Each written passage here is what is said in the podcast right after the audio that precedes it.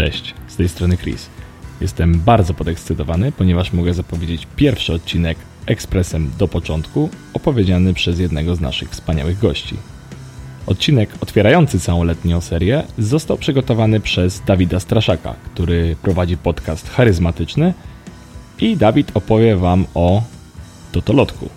Ja natomiast postaram się za dużo nie wtrącać. Miłego słuchania.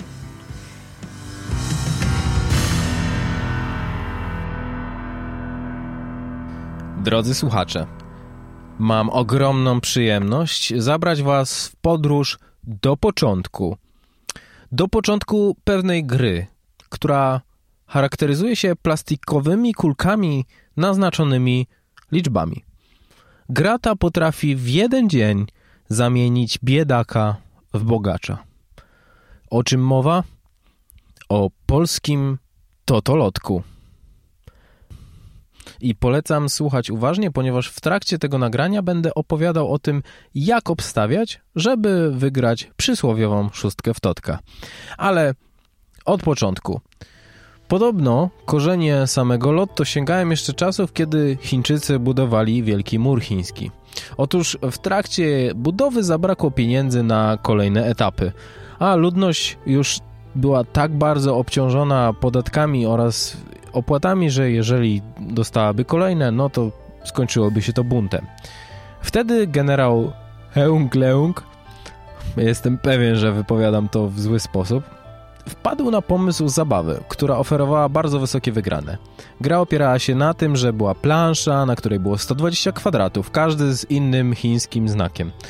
Następnie rzucało się czymś na wzór takiego dzisiejszego pionka i te pola ze znakami, na których zatrzymały się pionki, były zwycięskie.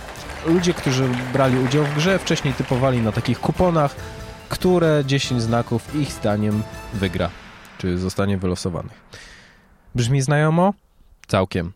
Ale w samej Polsce lotto pojawiło się zdecydowanie później, ponieważ pierwsze losowanie odbyło się 27 stycznia 1957 roku.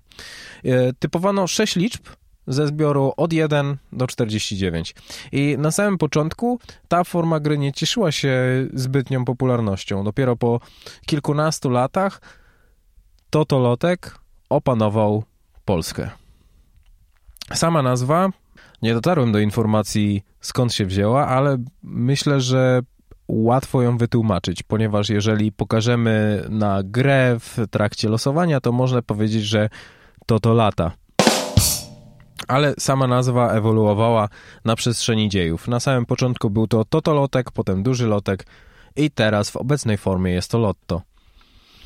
Jeżeli przed 2006 rokiem oglądaliście losowania, które transmitowała telewizja, to na pewno zwróciliście uwagę na to, że poza prezenterem, czyli Ryszardem Rębiszewskim, były tam trzy osoby, których rola była dosyć enigmatyczna. Można by powiedzieć, że ograniczała się do flegmatycznego skinienia głową. Była to Komisja Kontroli Gier i Zakładów. Organ, który sprawował kontrolę nad prawidłowym przebiegiem losowań gier liczbowych i funkcjonował od tego samego roku, w którym powstało, powstał Totolotek. Składa się z 15 osób, a podczas jednego losowania muszą być minimum 3 e, na miejscu na wizji. Po skończeniu gry wszyscy członkowie komisji podpisują e, protokół z przebiegu losowania, który jest podstawą do określenia ilości oraz wysokości wygranych w grze. Po 2006 roku komisja nadal sprawowała kontrolę, ale nie była już bezpośrednio na wizji. Co było dla mnie najbardziej e, ciekawe, to okazuje się, że przed samym właściwym losowaniem totolotka następowało losowanie próbne.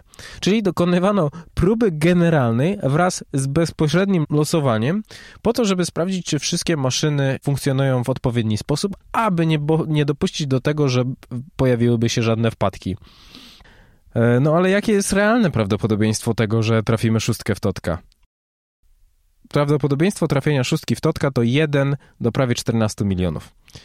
No to może być takie niezbyt... Yy, niezbyt można wiedzieć o co chodzi, ale yy, słuchajcie, jeżeli porównamy to do kilku innych liczb, to znaczy szansa na to, że w tym roku porazi nas piorun jest jak 1 do 775 tysięcy. A oczywiście po roku się zeruje. Prawdopodobieństwo uderzenia w Ziemię asteroidy w ciągu następnych setek lat to około 1 do miliona.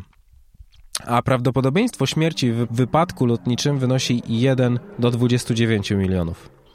Czyli bardziej prawdopodobne, że zostaniemy porażeni piorunem, albo że w przeciągu następnych setek lat, albo w bliskiej przyszłości Ziemia zostanie zniszczona, niżeli trafimy w szóst szóstkę w totkę. No, a mówili, że to ja jestem fatalistą wówczas, kiedy może po prostu byłem oszczędny, biorąc pod uwagę prawdopodobieństwo takiej wygranej. Ale te wygrane jednak czasami się zdarzają. Jaka była więc rekordowa wygrana w Totka? W Polsce było to 36 milionów 726 210 zł i 20 groszy. Wygrana padła w Skrzyszowie w 2017 roku.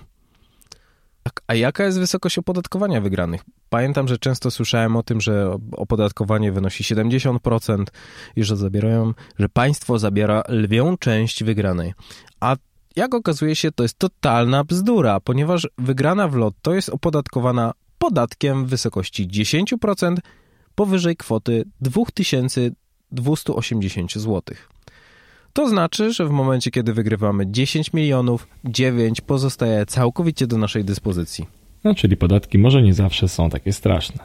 Aczkolwiek cebulowy gen pewnie nie pozwala usnąć na myśl o milionie oddanym państwu. Jednak kluczowe pytanie brzmi, jak grać, żeby wygrać? Założę się, że zdarzyło się wam rzucać monetą. Czy będzie orzeł, czy reszka i od tego zależał na przykład jakiś zakład. No więc załóżmy, że rzucamy 5 razy i 5 razy pod rząd wypada orzeł. Wtedy może się pojawić w was takie przekonanie, że skoro pojawił się 5 razy orzeł, to teraz z pewnością wypadnie reszka. Jest to typowy błąd poznawczy który nazywa się tak zwanym paradoksem hazardzisty.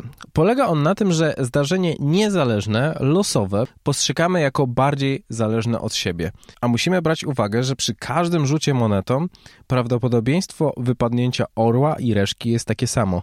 Dokładnie tak samo funkcjonuje to w momencie, kiedy gramy w totolotka. Przy każdej kolejnym losowaniu prawdopodobieństwo wygranej jest takie samo. Ale jest jeden sposób na to, żeby mieć pewność że wygramy. Jeżeli gramy bez kumulacji, to średnio tracimy 2 zł 7 groszy na zakładzie, jeżeli cena zakładu to 3 zł. Więc w przypadku kumulacji, która wynosi 31 milionów, wyjdziemy na zero. Więc wystarczy kupić e, kuponów za 31 milionów i wtedy w momencie, kiedy następuje wygrana, no to mamy pewność, że trafimy i że wygramy. No oczywiście z taką gwiazdką, że nikt inny oprócz nas wtedy nie wygra. No ale dobra, jak to zrobić, żeby nie mając 31 milionów, obstawiać tak, żeby wygrać? Odpowiedź jest następująca. To kompletnie nie ma znaczenia. Ponieważ obstawianie jakiejkolwiek najbardziej trywialnej kombinacji, to znaczy, jeżeli obstawiamy jeden, liczby 1, 2, 3, 4, 5, 6, ma dokładnie taką samą szansę na wygraną, jak przy wyborze dowolnie innego zestawu. Mam nadzieję, że ta podróż była interesująca, a przy okazji nauczyliście się czegoś ciekawego. Dzięki, cześć. Bardzo dziękujemy Ci, Dawidzie, za udział. Nie wiem jak Wy, ale ja zdecydowanie zaspokoiłem swoją ciekawość związaną z grami losowymi. Boję się tylko, że teraz przy każdej burzy będę myślał, że jest osiemnastokrotnie większa szansa, że oberwę piorunem, niż na to, że kiedyś wygram 36 milionów w losowaniu. Tymczasem nie pozostaje mi nic innego, jak zaprosić Was na następny odcinek, który tym razem poprowadzi nasz kolega i słuchacz Piotr Kanterowski z podcastu Prawo dla biznesu. Do usłyszenia już za tydzień.